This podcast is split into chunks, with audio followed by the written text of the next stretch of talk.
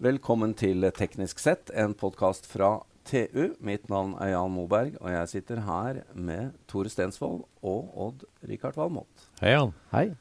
Du, Før vi gir ordet til Tore her, Odd Rikard, så må vi si at nå skal vi få oss en liten dose voksenopplæring. Ja, Eller det kan er du mye om kjem kjemikalietankerederier? veldig lite, faktisk. Ja, jeg Jeg tror jeg, jeg, tror jeg trodde jeg kunne mye, men det kan jeg lite om. Ja, jeg òg. Ja, Så dette jeg- gleder jeg meg til. Ja, jeg, og jeg tror her er det mye, mye å finne. Og vi er fortsatt i Bergen. Og vi, eh, nå skal vi snakke med en styreleder i et rederi. Og Tore, du må forklare hvorfor akkurat uh, dette rederiet. Nå har jeg for så vidt avslørt litt, men du får komme med det. Ja, nei, men uh, som du sier, altså, vi er i Bergen, som da er den maritime hovedstaden i Norge, har vi lært. Og ikke bare det, det er jo her eh, kjemikalieskipsrederiene har sitt arnested, nærmest. Og Bergen er et virkelig sentrum for, eh, for eh, avanserte skipsrederier. Eller rederier som driver med avansert transport. Og Bjørn Sjåstad, som er styreleder i Utkilen, har lang fartstid i denne bransjen. Da må du forklare oss hvorfor er Bergen blitt eh, en sånn navle for denne type spesialfrakt? Ja, det kan jeg kanskje forsøke å svare litt på. Eh, jeg vil jo si at det har en historisk begrunnelse i første omgang. Det var jo eh, Pionerene i denne farten var jo Oddfjell Stolt-Nielsen som utviklet de første kjemikalieskipene på 50-tallet. Og siden har jo det gått eh, slag i slag opp gjennom årene. Eh, og hvorfor Bergen også spesielt? Eh, jeg vil jo si at Bergen har jo en mye mer eh, industriell tilnærming til skipsart enn mange andre steder som kanskje har en mer finansiell. Og når jeg mener industriell, så mener jeg det til skipene til for å frakte last. Mens andre steder så tenker man kanskje skipene til for at man skal tjene penger på kjøp og salg av tonnasjen. Så det som kjennetegner på en måte bergensrederiene, det er den industrielle vinklingen. Og om den har sin enda mer historiske utspring i at det, det finnes lite annen industri i Bergen. Og Bergen var jo den naturlige eksporthavnen fra gamle dager av eh, med fisk ut av, eh, ut av Norge mot kontinentet. Ja. Eh, Det som eh, kanskje ikke alle vet, er jo at, eh, at eh, kjemikalieskipene har så mange forskjellige tanker, hvor du kan eh, laste så mye forskjellig, og ofte farlige eh, eller kjemikalier som ikke akkurat er snille mot eh, vanlig, stål. Og Kan der si- Rikard, bomma jeg. Jeg trodde liksom et kjemikalieskip hadde tre-fire tanker. jeg. ja, det var vel et Jeg har til og med tenkt på én, men eh, jeg skjønner jo at det, det Her må du er bomma. oppklare, Bjørn, for oss. Uh. Ja, altså det er mange Noen sier kjemikaliefarten, og noen sier parcel-traden. Og parsel betyr pakke. Ja. Og, og i utgangspunktet så er jo det mer på en måte parsel da som er det riktige. Og, og, eh, og ideen var at eh, tidligere så skipte man kjemikalier i tønner, i fat, og så lagret på vanlige lasteskip. Og så vokste volumet, og da ble det ineffektivt. Så man så behovet for å ha egen, egne skip til å frakte kjemikaliene. Men da var eh, ikke volumet av, av hvert produkt og for hver kunde stort nok til å rettferdiggjøre et skip. Nei. Så derfor så utviklet man skip med mange tanker, med individuelle laste- og lossesystemer, som gjorde at du kunne laste og losse flere forskjellige produkter for forskjellige kunder. Det var det som skjedde på 50-tallet. Ja, det var det som skjedde på 50-tallet og 60-tallet. Så det ene det er antall tanker som du bruker, slik at hele konseptet er at du kan skipe mange forskjellige typer kjemikalier, mange forskjellige typer laster, for forskjellige typer kunder på én gang på én kjøl. Og da gir det skalafordeler, og som gjør at du, du faktisk også kan skipe større volum. Før vi går videre, så må du forklare altså spenna av type væsker da, eller kjemikalier dere transporterer, når det er så mange typer tanker. Nei, du kan, eh, Mange sier at du har ca. 400 forskjellige. Jeg tror at noen av de største kjemikalierederiene som driver internasjonalt, som Oddfjell og Stolt, de snakker om at de, de eh, frakter inntil 400 forskjellige typer kjemikalier i løpet av et år. Og det er alt fra matolje til uh, giftige væsker? Ja, det er alt fra de organiske kjemikaliene til eh, det metanol og det MTBE og det glykoler til eh, de inorganiske som er syrer. Det er svovelsyre, det er fosforsyre, det er kaustiksoda, og så har du vegetabilske oljer som man skiper. Og så skiper man en del også vanlige produkter, altså som eh, For man går jo av og til med fulle laster også hvis det passer inn i Ja. i, i programmet. Ja, Du vil ikke ha caustic soda i uh, olivenoljen? eh, Nei da, og det er jo det som er det spesielle med krav. ikke sant? Det andre, det, så det ene elementet på en kjemikalie, et kjemikalietankskip det er jo antall tanker, og at hver tank har individuelle laste- lossesystemer og pumper. Og det andre det er uh, hvilken beskyttelse tankene har. Eh, og, og de mest avanserte, f.eks. alle Utkil sine skip, har eh, lastetanker i rustfritt stål. Og det er veldig mange produkter som du må ha rustfritt stål for å laste. F.eks. syre må du ha, laste primært. Du, du kan ha noen skip med gummitanker, men det blir veldig lite fleksibelt. Så, så det rustfritt stål er det ene. Og så har du andre kjemikalieskip som har malt eller coatede lastetanker. Og da har du gjerne sink eller epoxy, f.eks. I og med at det er såpass spesialiserte skip og veldig eh, avanserte og, og dyre, er det ikke mulig å bygge slike i Norge igjen? Slik vi gjorde på, på 90-tallet? Ja, ja det, kan, det? det kan du si, men nå har nå skipsbygging i Norge gått i veldig, veldig bølgedaler. Og eh, den store eh, bølgen av eh, tonnasje som var bygget i Norge, det var jo som du sier på 90-tallet, det var jo primært Kverner som gjorde det da.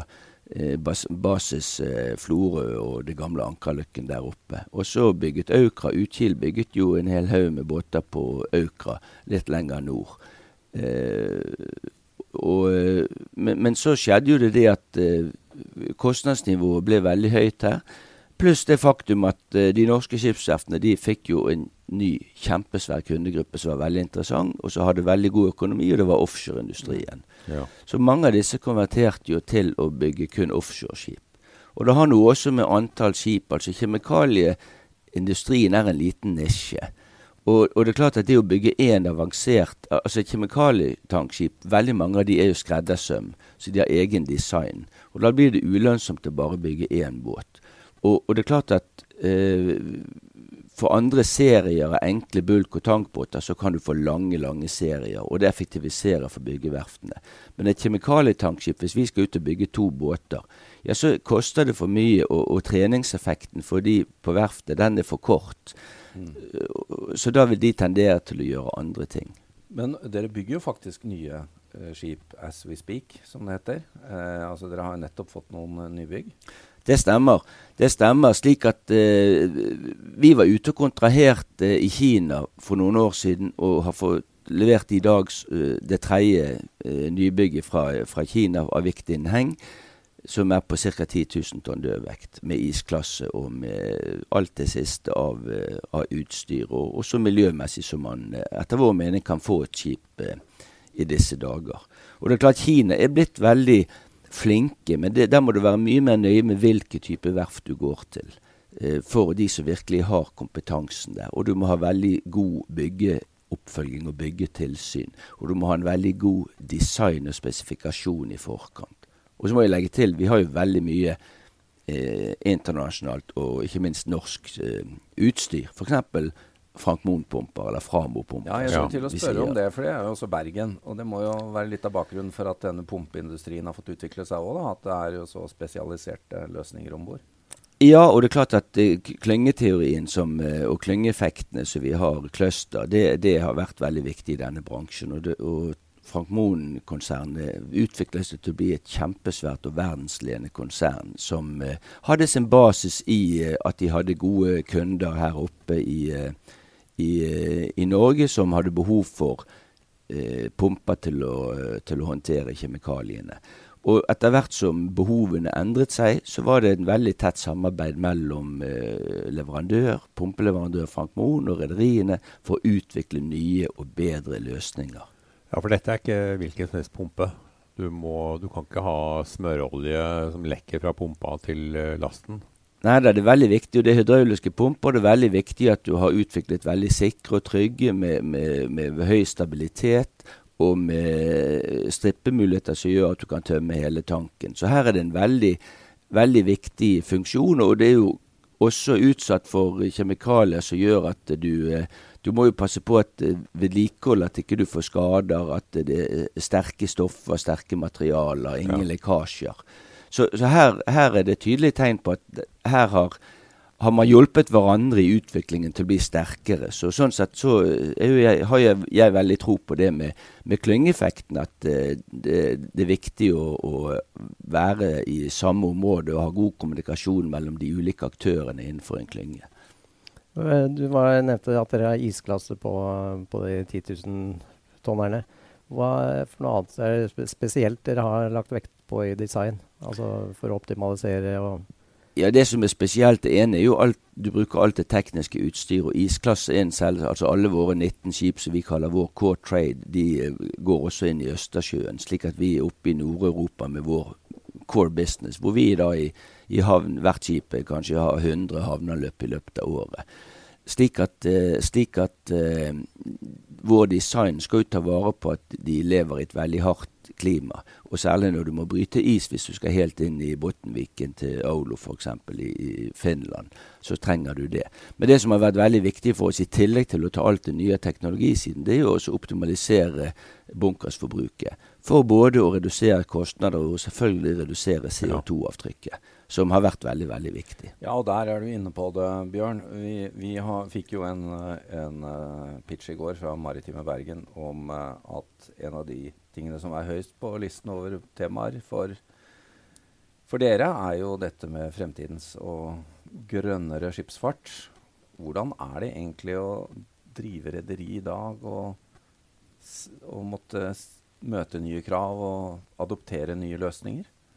Altså jeg tror at uh, Det å møte nye krav det ønsker vi veldig veldig velkomment. og jeg vil si at Kjemikalieindustrien har jo ligget i forkant av krav og har veldig mye vært de rederiene som har uh, skapt kravene og de nye reglene innenfor IMO-systemet. Fordi at der har kunnskapen vært størst. Og Sånn sett kan du si at jo tryggere dette blir, jo viktigere blir det for oss. Men det, som er, det er klart det som er vanskelig nå, det er at du tar en beslutning i dag, og, og, og vi holder båtene våre slik at de skal ha 30 års levetid. Så, så, det du bestiller i dag, skal jo leve til 2050. Så, så, det er jo veldig viktig at ikke vi bygger skip som på en måte blir obsolete eh, før de skal gå over i sin naturlige alderdom. Og, og, og, det med fremdriftsmaskineri er vanskelig. og Jeg tror at en av grunnene til at det, at det bestilles lite på verdensbasis nå, det er at folk er usikre på hvilken Ja, De sitter rett og slett og venter. men det er et dilemma. så Derfor sier jeg at de nye våre de brenner 40% mindre enn en tidligere. Og da er du ganske langt. altså 2050-målet var 50% reduksjon i CO2 for skipsfarten mm. i forhold til jeg tror det var 2008. Og allerede her er vi ganske langt nede, eh, på 40% allerede nå. Men, eh, men, det er klart vi er veldig spørrende til hva blir Hvordan skal du gjøre den enda grønnere? Fordi at eh, Hvordan skal du få fremdriften fremover? Og det er veldig mange teknologiske løsninger som folk diskuterer. LNG f.eks. Vi har latt våre nybygg i Kina være såkalt LNG-ready. Det betyr at de, maskinen kan gå på LNG. Vi har eh, plass til eh, tanker for LNG, og vi har også styrke til dette, bl.a. Men så har du, og, og, normalt vil du si at LNG, ren LNG det løser, det reduserer ytterligere med 10-12 prosentpoeng i, i forbruk og CO2-utslippet. Men så har du metanproblematikken, som på en måte er en del av den gassen som du, du, du bruker. ikke sant? Og, og, før man får løst den problematikken, så går jo vinningen opp i spinningen. Fordi at eh, som uh, dere vet at uh, utslipp av metan er jo veldig mye mer skadelig relativt sett enn en vanlig uh, CO2. CO2 ja. Så, så, så, før man finner den løsningen, så blir LNG på en måte Må du vente der. Men uansett så er jo LNG bare litt bedre. Så snakker noen om hydrogen, og noen snakker om ammoniakk. Men for oss som driver mindre rederier, vi, vi, vi, har ikke kunnskap eller kompetanse eller midler til å gå inn og forske på disse tingene. Så vi er helt avhengig av at de store motorleverandørene, de store forskningsmiljøene som vi har, enten det er Marintech eller de i utlandet, går sammen og forsøker å, å, å, å utvikle nye typer fremdriftsmaskineri. Det er det store. Da er du tilbake til klyngefordelen? Da er du tilbake til klyngefordelen, men, men det krever mye. Så, så min kjepphest har jo vært at tar du inn ta myndigheter inn, og dette må gjøres på global basis, så må man gjerne ta inn CO2-avgifter. Men så må man øremerke de avgiftene og gi det til disse miljøene som skal forske på eh, det å skape renere fremdriftsmaskineri i forhold til CO2-en. Men eh, det er jo interessant, da, fordi dere opererer jo mange skip, og det er en eh, last som ikke bare skal fra én kilde til én kunde, så det er jo mye logistikk her. Og eh, det må jo være mange andre variabler å skru på også. Hva, hvordan forholder dere til det? Tenk på alt fra skipsdesign og fartsregulering og Altså det er klart Skipsdesign og skipet som sådan, å optimalisere fart, forbruk og ø, kapasiteter på lasting, lossing, det, det, gjør vi. Men vi er jo f.eks. når det gjelder landstrøm, så har jo vi tilrettelagt for landstrøm på våre båter. Men problemet vårt er at det er ingen av havnene som har landstrøm. Og vi bruker landstrøm der hvor du losser. Og, og, vi losser jo øh, i Sverige, vi losser i Danmark, vi losser i, ja. i Tyskland og andre steder. Og, og, det er klart at der er vi avhengig av at de investerer i dette. Men utover dette på et nytt design, så er jo den teknologisiden på informasjonsteknologi. Det er jo det store, nye utviklingen. Så hvis du har en båt i dag i forhold til en som var for 30 år siden, det er jo den teknologien, hvordan du kan sitte på kontoret og optimalisere masse funksjoner eh, om bord på skipet. Har full informasjon, kunnskap om vedlikehold, om hvordan du kjører maskinen eh, osv. Og i tillegg til at du har en helt annen styring av eh, de operasjonelle aktivitetene om bord på skipet som du har fra kontrollrommet. Mm. Så, så, det er en veldig veldig viktig bit. Så den digitaliseringen som vi ser, så alle snakker om den store digitaliseringen, jo den har ikke revet benet vekk av vår virksomhet. Nei. Som eh, du kan si et reisebyrå kan forsvinne for at du kan bestille billettene direkte. Men den har gjort den daglige driften, både operasjonelt og driftsmessig, vesentlig bedre og tryggere og rasjonell. Det høres jo veldig bra ut, da. Ja, altså, Du kan ikke digitalisere bort fysisk transport av råstoffer. Det, men du kan optimalisere det. det er det du kan. Ja, det er det da kan du vel kanskje nå den 50 med eh, kunstig intelligens, maskinlæring, sånne ting. Ja, altså Problemet med den 50 på CO2, den, den er direkte linket til altså selve forbruket av ja. drivstoff. Så det det, det, er jo det vi har nå. Vi har det som vi kaller pådrag om bord. Det er hvordan du, uh, hvordan du, kjører båten for å optimalisere uh, fart og forbruk. Og dette varierer jo fra vær og vind, og du kan ha systemer som gjør at du kan uh, forskuttere hvilke vindretninger du får, og, og, og gå utenom store lavtrykk f.eks. Så der er det også tema du kan gjøre i den daglige ja. operasjonelle biten. Veldig bra. Vi må avslutte. Bjørn Sjåstad, styreleder i Utkilen AS. Uh, Tore og Richard, her var det litt voksenopplæring. I hvert fall for uh, deg og meg, Odd Rikard. Ja, jeg tror vi, vi, trenger et par påfyll til for å gå inn i uh, skipsbransjen. Men det bildet jeg sitter igjen med, er noen sånne mange sånne rustfrie ståltanker. Det syns jeg så veldig lekkert ut. ja, det gjør det. Bjørn Sjåstad, takk skal du ha, og lykke til med kjemikaliefrakten videre. Takk for det.